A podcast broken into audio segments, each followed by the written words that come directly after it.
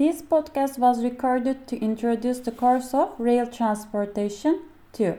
The purpose of this course is to teach the basic understanding in the fundamentals of the railroad infrastructure and rolling stock, know the principal components and terminologies used in different aspects of rail transportation.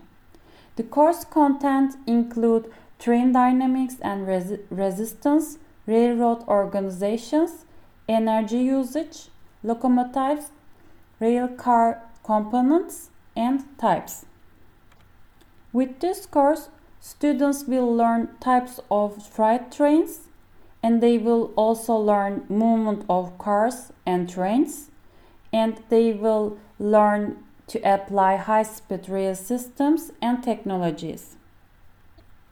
The course topics include railroad organizations, train dynamics and resistance, track geometry, rail car components and types, safety performance, train braking, other communication features, types of freight trains, railroad operations, terminals and yards, urban transit,